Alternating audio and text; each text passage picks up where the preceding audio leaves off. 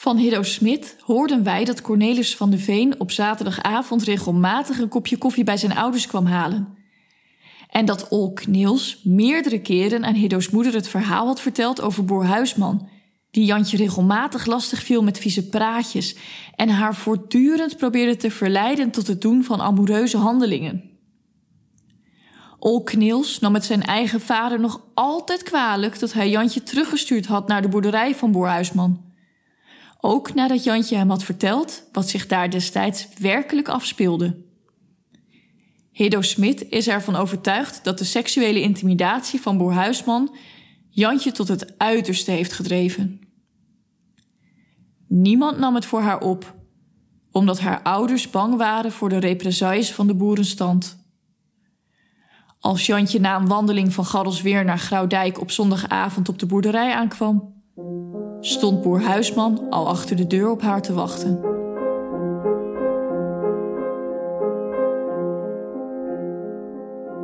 Dit is de Groninger Gifmoord. Een podcast over de zoektocht naar het nimmer opgeloste motief achter een bizarre, maar waar gebeurde vergiftigingszaak op het Groninger platteland. Over het leven van het 19-jarige dienstmeisje Jantje van der Veen. Waarom zwijgt men in het dorp over haar? Wat weet het dorp dat de kranten nooit heeft bereikt? In deze aflevering gaan we terug naar Jantjes geboortegrond en bezoeken we de boerderij waar dit vergiftigingsdrama zich in 1906 heeft afgespeeld. Dit is aflevering 4. Overschild heeft een geheim.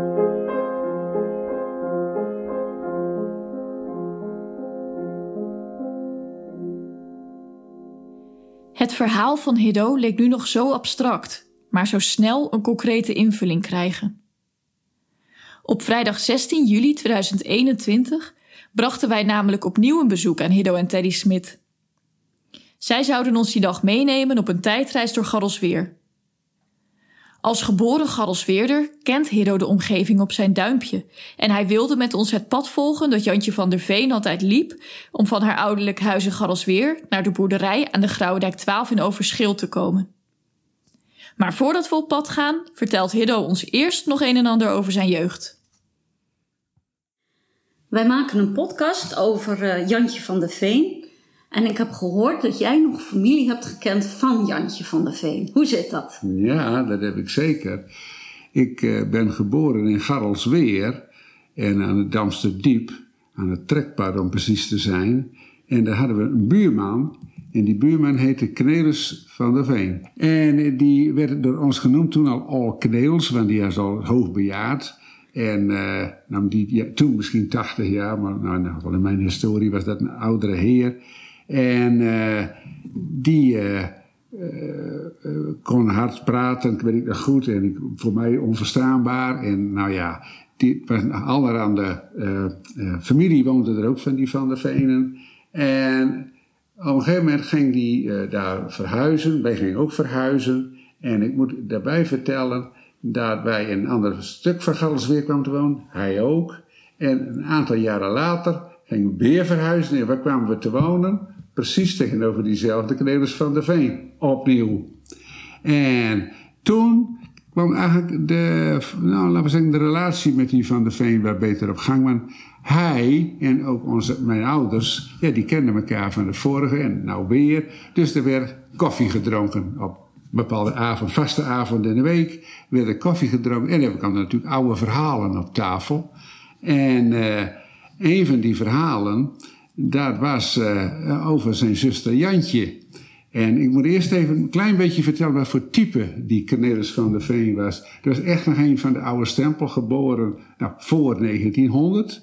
Die, uh, die kon nog verhalen vertellen dat hij nog koetsier was geweest op de paardentram in Groningen. Je moet je, je voorstellen, we zitten nou al aardig ver nog voor de Eerste Wereldoorlog. En uh, nou ja, die tijd leefde voor hem. En hij zei ook wel eens, ja, alle mensen die ik heb gekend, die liggen op kerkhof. Ik ken alleen nog de kinderen daarvan. Eh, verder was die man ook al jaren weduwnaar. Hij was wel getrouwd geweest, had geen kinderen. Zijn vrouw was ook al jaren dood. Hij leefde daar maar alleen. En hij kon zich daarmee redden, maar ja, zoals een oude man, uh, altijd een driedelig pak. Maar uh, je moet je niet voorstellen dat dat deftig was. Ook wel een stropdas geloof ik wel voor. Maar uh, vettig en viezig. En waar ik altijd aan moet denken dat hij nog koud tabak gebruikte. Hè? Wie zei een slootje, een slootje. Koud tabak.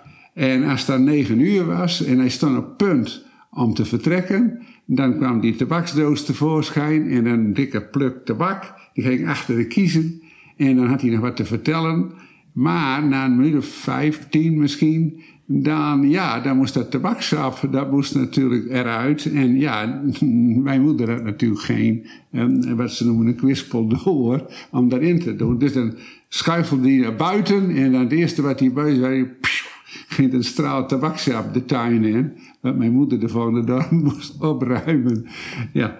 En bovendien moest ze stofzuigen waar, waar die dat tabak had gepakt. Er was het ingekruimel van, van tabakslierten en zo. Maar dan kuierde die weer naar huis. Ach, en dat is zo jaren gegaan. Misschien wel tien jaar, misschien zoiets. En een van de verhalen die daarbij steeds naar voren kwam, natuurlijk weer dat verhaal met die, nou, de rijke boeren en de arme boerenarbeiders.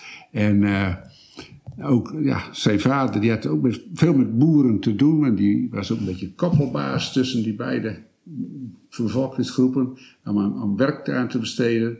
En uh, ja, dan kwam er ook altijd een wat pijnlijk verhaal tevoorschijn over zijn zus.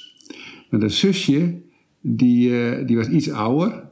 En die was uitbesteed bij een boer in Overschild. En dat, die was boer Huisman in dit geval. Uh, dan moet je begrijpen dat toen, uh, er waren er nog een heleboel bruggen over het Eemskanaal. Maar Garrelswil aan de noordzijde van het Eemskanaal. Overschild aan de zuidzijde. Dus je moet altijd die brug over. Die brug is daar nu niet meer. Er is nou een veel brug iets verderop. Dus die Jantje, zijn zus dus, die heette dan Jantje, die uh, was uitbesteed bij een boer in Overschild, boer Huisman. En op zaterdagmiddag ging zij dan te voet over de brug naar Garrelsweer om bij haar ouders te zijn. En op zondagavond aanvaarde zij de terugtocht richting Overschild. Dat, ging, dat is, zij is dus aanbesteed aan die boer Huisman in mei. Hè? In mei. En waarom nou in mei? Dat was de traditie. Dat was altijd in mei. En zelfs de meikermis, die nu nog in Groningen is, die is nog eigenlijk een restant daarvan. Dat dus de boeren, jongens en meiden en zo, een geld kregen in mei. En dat moest dan opgemaakt worden. Op, heel goed, de kermis. Nou, uh, een tijdje ging dat goed. Dat, dat Jantje daar aan het werk was. Maar na verloop van tijd merkte zij dat de boer uh, toenadering naar haar zocht. En aan haar begon te zitten en zo. En uh, dan ging ze dus naar huis op zaterdagmiddag. En dan klaagde ze over dit, uh, dit verschijnsel tegen haar vader en haar moeder. En die zei, ja, nou wij zijn, ja, ik, ik, ik, ik heb oppassen, man. Ik heb relaties met die boeren en ik, ik kan als arbeider ook niet goed daar wat aan doen. En die, ik zit helemaal klem. Wat moet ik ermee? Ik kan, er is geen oplossing. Je gaat gewoon maar weer heen. En uh, je zegt maar wat dat, uh, nou, dat het niet kan of zo. Maar ik, ik kan daar niks mee. Nou, dat ging zo'n aantal weken door natuurlijk. En uh, dat verergerde ook. Dat verergerde ook. Tot op een duur ja, zij echt met dikke tegenzin en tranen terugliep op zondagavond naar die boerderij toe. En dat zij dan uh, daar thuis kwam, of bij die boerderij aankwam. En er wordt wel van gezegd dat op het moment dat zij er kwam, er stond de boer al achter de deur, al op te wachten. Zo, best er weer. En uh, nou, dan vroeg hij wat. En dan maakte hij allerhande uh, opmerkingen en toenaderingen. En nou, in elk geval, Jantje die wilde dat niet. Ik had nog altijd geen antwoord gevonden op mijn vraag waar Jantje van der Veen en haar familie destijds hadden gewoond in Garrelsweer. In de huwelijksakte van een broer van Jantje had ik een aanwijzing gevonden dat Sietske Wiggerts, de moeder van Jantje van der Veen, een winkeltje in kruidenierswaren in Garrelsweer moest hebben gehad, terwijl haar man de kost verdiende bij diverse boeren en als koppelbaas. Er ging nog geen lichtje branden bij onze gastheer, maar plotseling kwam Teddy aanlopen met een boekwerkje. Het boekwerkje, genaamd Garrelsweer anno 2013, gaf door de vele foto's en bijbehorende teksten een momentopname van de bebouwing en van de bewoners van Garrelsweer in 2013. Ons oog viel vrijwel meteen op een stuk tekst behorende bij het huis aan de Stadsweg 64 in Garrelsweer. Het huis dat in 1935 door de ouders van Jantje was gebouwd en anno 2013 bewoond werd door Geert Vos en zijn vrouw Sietske van der Veen, de dochter van Jantjes jongere broer Pieter van der Veen. In dit boekwerkje lazen we ook dat Sietske en Pieter van der Veen, de ouders van Jantje, tot 1935 aan het Kerkenpad 13 hadden gewoond achter de hervormde kerk in Garrelsweer. Daar waren ook de broers en zuster van Jantje van der Veen geboren. En toen ging er wel een lichtje branden. Plotseling herinnerde Hiddo zich dat er in zijn jeugd een kruidenierswinkeltje had gestaan achter de hervormde kerk. Zo snel als we konden keken we in het boekwerkje bij de huizen aan het kerkpad. En jawel, Hiddo herkende de foto van het oude, piepkleine en onbewoonbaar verklaarde huisje als het kruidenierswinkeltje uit zijn jeugd. Na de dood van Jantjes moeder in 1950 kwam het huis aan de Stadsweg 64 in handen van Cornelis van der Veen, Jantjes broer. Het huis werd enkele jaren verhuurd, maar daarna ging Cornelis van der Veen samen met zijn vrouw Treintje Gast in het huis aan de Stadsweg 64 wonen. Het antwoord op mijn vraag waar Jantje en haar familie destijds in Garrelsweer hadden gewoond, werd deze morgen zomaar in mijn schoot geworpen. Na de koffie was het tijd om te beginnen aan onze tijdreis door Garrelsweer. Toen we aankwamen in Overschild, reden we door naar de Grauwe Dijk nummer 12, waar we stopten. Het was de boerderij waar Jantje als dienstmeid had gewerkt en rattenkruid door de boter en de gort zou hebben geroerd. Zou het niet fantastisch zijn om even in de keuken van de boerderij te lopen, waar Jantje destijds de maaltijden klaarmaakte? Behalve een vriendelijke hond en een nieuwsgierig paard leek er niemand thuis te zijn. We trokken nog een keer aan de bel, maar niemand deed open. Het volgende traject van onze tijdreis door Garrelsweer ging van de boerderij aan de Grauwdijk 12 naar brug nummer 8 over het Eemskanaal. Hiddo vertelde me dat deze brug al niet meer bestaat sinds de jaren 60 van de vorige eeuw. Jantje moet dit traject talloze malen gelopen hebben tijdens haar voettocht van de Grauwe Dijk naar Garrelsweer, een tocht van ongeveer 6 kilometer. Ik tuur naar de overkant van het Eemskanaal. In gedachten kan ik haar zien lopen. En verder gingen we naar het Kremerschankje in Garrelsweer, waar we het geboortehuis van Hiddo bezochten aan de trekweg 27. Terwijl Hiddo en Teddy door de gastvrije bewoonster werden rondgeleid in zijn geboortehuis, nam ik het hoogholtje in mij op. Het schilderij van Dirk Pilon geeft nog altijd een goed beeld van dit idyllische dorpje. De tijd heeft hier echt stilgestaan. Het oude huis van Old Kneels aan de trekweg 25 bestond helaas niet meer, maar in de tuin vonden we een afbeelding van het oorspronkelijke huis met zijn geschiedenis. We maakten er een foto van en praten een poosje met de huidige bewoner. We liepen over het Hoogholtje naar het kerkhof achter de Nederlands hervormde kerk, waar een deel van de familie van der Veen begraven ligt. Ik stond even stil bij het graf van Old Kneels. En toen zagen we het perceel waar het huisje met het winkeltje van Sietske Wiggerts moet hebben gestaan aan het kerkenpad 13. Maar het huisje is een aantal jaren geleden afgebroken, inclusief de fundamenten. In gedachten ging ik terug in de tijd. Hier was Jantje opgegroeid. Vanaf deze plek werd ze weggevoerd naar het huis van bewaring. Hier las haar moeder de brieven die Jantje haar vanuit de gevangenis in Gorkum schreef en waarvoor ze zo vaak op het matje was geroepen, omdat ze zich weer eens te negatief had uitgelaten over het gevangenisleven in Gorkum. Het was alsof ik over de finish ging. Maar het roepen van mijn naam haalde me terug uit mijn mijmeringen. Na een heerlijke lunch zetten we onze zoektocht naar het verleden van Jantje voort.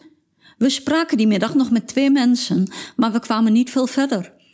Men had wel eens gehoord van de vergiftigingszaak, maar de details bleken al te ver zijn weggezakt in de geschiedenis van het dorp.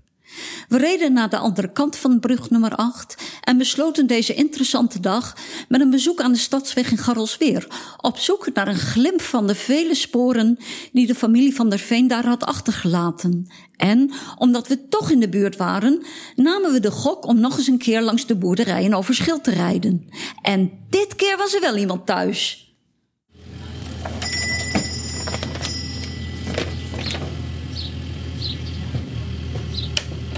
Hallo. Hallo. Ehm, we hebben een beetje een rare vraag.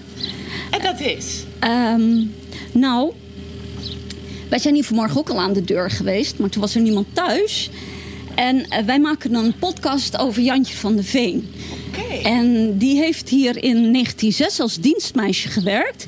En die heeft haar beide werkgevers vergiftigd. En dat is gebeurd in de keuken van deze boerderij. Toen we het erf opreden, wisten we nog niet wie we zouden treffen en of we binnen mochten komen. Maar de begroeting was zo hartelijk dat we meteen op ons gemak waren. Als gevolg van de aardbevingen wilde de voordeur van de boerderij niet meer open. Maar Tessa Noordenbos liet ons door het luikje in de deur weten dat we via de schuur naar binnen mochten komen. We liepen terug over het pad naar de achterkant van de boerderij en gingen door de wijd openstaande baande deuren in de richting van de keuken. Ah, kijk aan. Tessa Noordenbos. Hallo. Kom verder. Nou, eh, hier zijn we dus in de keuken. Ik zou zeggen, uh, neem plaats. Dankjewel. Wat leuk dat we hier even mogen kijken. Ja, tuurlijk. Geen probleem. Terwijl we gaan zitten, bedenk ik me hoe bijzonder het is om hier vandaag te zijn. Letterlijk in het hart van het verhaal over Jantje van der Veen. Tessa is getrouwd met Ulbe Noordenbos, die een loonbedrijf heeft aan de Grauwe Dijk in Overschild. Ze wonen al heel lang op de boerderij, samen met hun kinderen, een aantal paarden, een hond, een kat, twee kalkoenen, kippen en nog veel meer. Tessa heeft een druk leven. Ze werkt op het familiebedrijf en houdt zich bezig met jongveeopfok. Daarnaast heeft ze een parttime baan als verpleegkundige in de thuiszorg. En tussen het eten koken door vertelt ze ons wat ze weet over Jantje van der Veen en de boerderij aan de Grauwedijk 12. Heb jij wel eens van Jantje van der Veen gehoord? Ja, dat heb ik. Oké. Ja. Uh, ken je het verhaal? Ik ken het verhaal ook. Toevallig heeft het verhaal in het dagblad van Noorden gestaan, sowieso. Ja? Uh, over de gifmoord. En ik ken het verhaal ook uit het grote boerderijenboek. Daar staat het ook in. En uh, ik heb het ook gehoord van de vorige bewoonster. Dat hier een boer en boerin zijn vergiftigd. En hebben jullie wel eens iets gehoord over de reden waarom ze het gedaan heeft? Of... Nee, dat was altijd een groot mysterie. Dat er is natuurlijk, hè, je denkt wel eens van, goh, waarom zou zo'n meisje dat gedaan hebben? Ja. Maar uh, ja, in principe uh, was altijd de verklaring, ze had geen goede relatie met haar werkgevers. Maar echt, uh, dat er echt een duidelijke reden voor is, hè, nee, eigenlijk niet. Oké, okay. um, nou zitten we hier in de keuken, vind ik hartstikke leuk. Maar ik ik neem aan dat dit niet meer de keuken is uit die tijd. Nee, nee, klopt. De keuken is eigenlijk een stuk de schuur ingebouwd. Dus uh, hè, hier zie je een grote draagbalk. Uh, en die draagbalk, die was, uh, daar zat eigenlijk een muur. Dus de keuken was veel kleiner. Ja? Ja, dus in principe was de keuken een, dit, dit stuk vierkant. En dit achterste stuk hebben ze erbij aangebouwd. Oké. Okay. Ja. En hebben jullie eigenlijk uh, de boerderij van Huisman gekocht? Of zaten er dan nog weer mensen tussen? Ja, er zat een familie Lesman tussen. Daar hebben mijn man en, uh, en zijn broers hebben toen uh, de boerderij gekocht van de familie Lesman. Oké. Okay. Ja. heeft mevrouw Lesman wel eens iets verteld over, over Jantje van der Veen? Want Mevrouw Lesman heb ik nooit gesproken, maar uh, de vorige bewoonster inderdaad, uh, hè, dat was uh, de ex van mijn man, die Ja? had het er wel eens over. Hè, dat er wel eens wat lampen aan en uitgingen en oh, daar zaten we wel eens wat om te lachen. En, ja, Ja. maar ik moet eerlijk zeggen, dat hebben wij zelf ook wel gemerkt. wacht even hoor. Je zegt lampen aan en uit, wat is dat dan? Ja, nou, wij, wij grapten er wel eens mee. Dat wij zeiden tegen de kinderen ook van... nou, de boer en de boerin zijn hier vermoord. Hè? en wat merkten wij er dan van? Nou, mijn dochter die, die ging bijvoorbeeld wel eens... hè, dan ging ze als laatste op bed en dan zou zij het licht uitdoen. En dan kwamen wij s ochtends beneden en er brandde gewoon de lamp in de keuken. En dan was mijn man altijd vreselijk aan mopperen zo van... nou, heb je die lamp weer aangelaten? En dan zei ze, nee hoor, die lamp heb ik uitgedaan. dachten wij van, nou, dat zal wel. Maar het is mijzelf ook een paar keer overkomen... dat ik zeker wist dat ik de lamp dus uitdeed. En dan kwamen we ochtends beneden in de keuken was het licht weer aan. Oh, wat bijzonder. Ja, ja. En, en denk je dat hier de geesten van de boer en de boerin nog rond waren? Nou, ja, wij maken er dus wel eens grapjes over dat wij dat dus zeggen, inderdaad, dat het zo is. Maar uh, als, dat, als dat zo zou zijn, zijn ze ons nooit kwaadgezind geweest. Oké. Nee, dus het enige wat wij hier dan, uh, de, de, de, lampen, uh, wat, ja? dus ja, wel een dingetje was. En voor de rest, nou, hebben we nooit gemerkt dat ze ons kwaadgezind zijn. Nee. Oké. Leeft het verhaal nog in het dorp?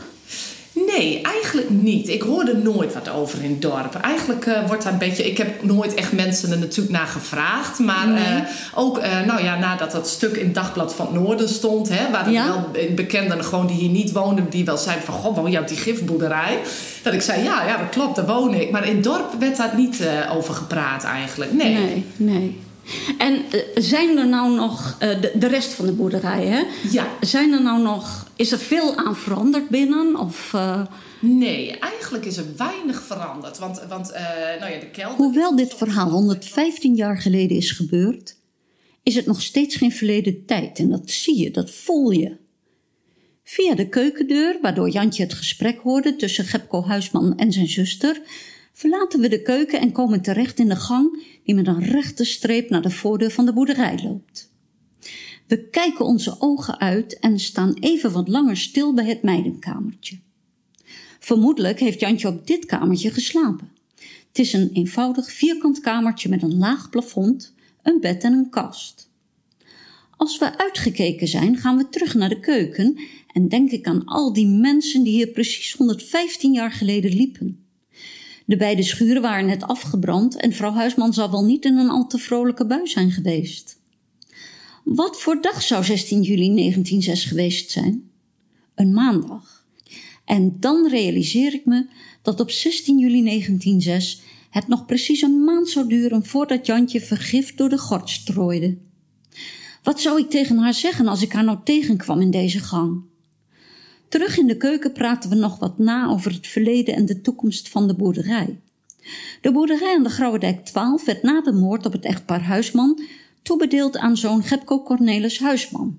Hij woonde er samen met zijn vrouw Ietje Wieringa tot hij in 1917 burgemeester van de gemeente Tamboer werd. Daarna werd de boerderij een poosje verpacht. Het boerenbedrijf van de familie Huisman werd voortgezet door Jan Heike, de zoon van Gepko Huisman en Ietje Wieringa. Maar daarna werd de boerderij verkocht. Via de familie Lesman kwam de boerderij in handen van de familie Noordenbos.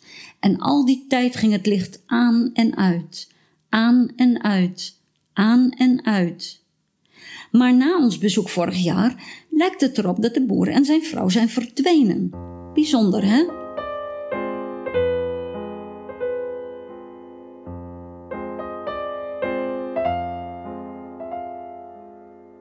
Nadat wij het verhaal van Hidder Smit hadden gehoord, begon het perspectief te draaien.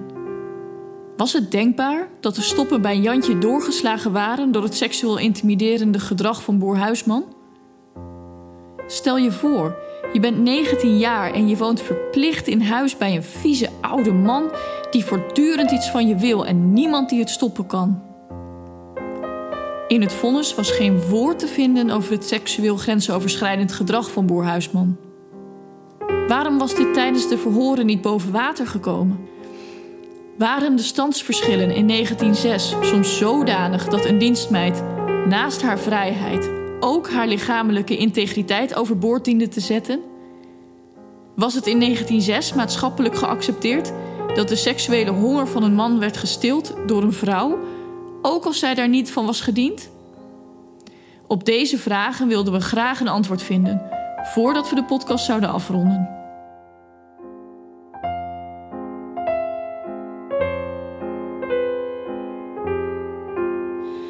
In augustus 2019 stond er een interview met een inwoonster uit Overschild over Jantje van der Veen en de vergiftigingszaak van de Grauwe Dijk in het Dagblad van het Noorden.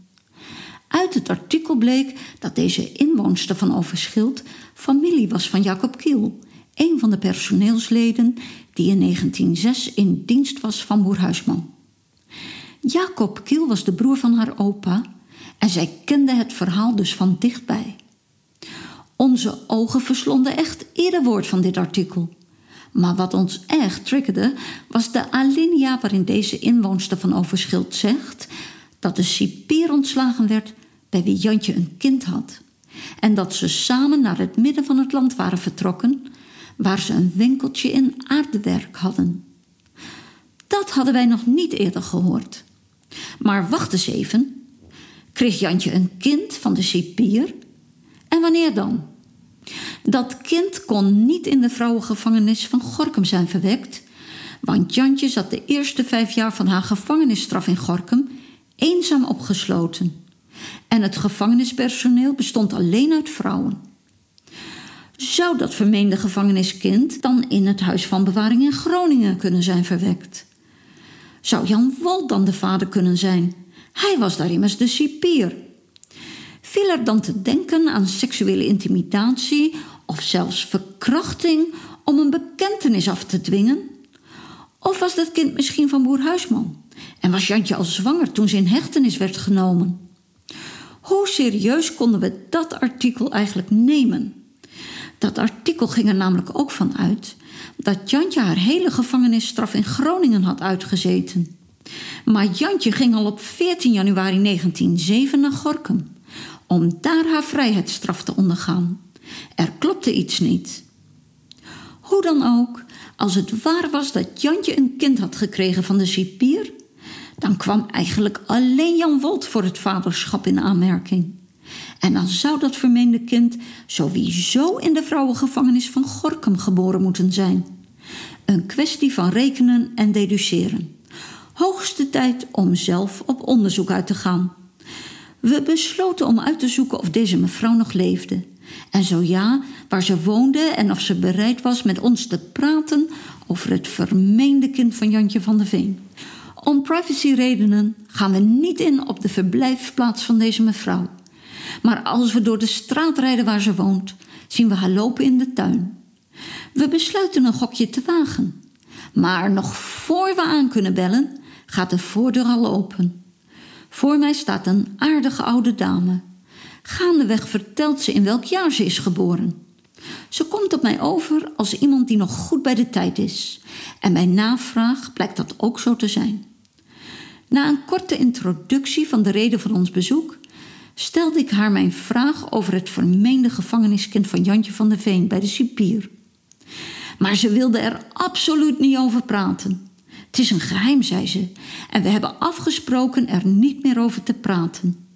En op een nog fellere toon zei ze tegen mij of ik me wel voor kon stellen wat voor een leven dat kind moest hebben gehad. Waarop ik min of meer vragend opmerkte: Dus dat kind is levend ter wereld gekomen? Op mijn vraag of ze het niet erg vond dat het geheim op een goede dag met haar zou zijn verdwenen, antwoordde ze: Nee, dat zou ik alleen maar goed vinden.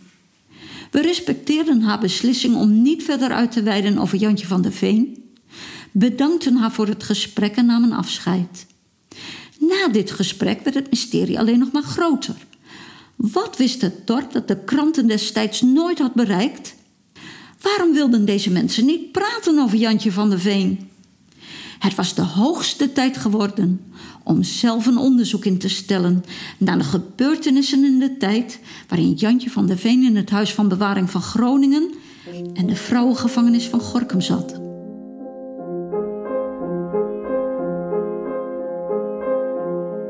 Dit was aflevering 4 van de Groninger Giftmoord, een podcast van Jolanda en Annemijn Smit. In de volgende aflevering krijgen we een inkijkje in het vrede en eenzame leven achter de tralies. En zoeken we het antwoord op de vraag of Jantje een kind kreeg in de gevangenis.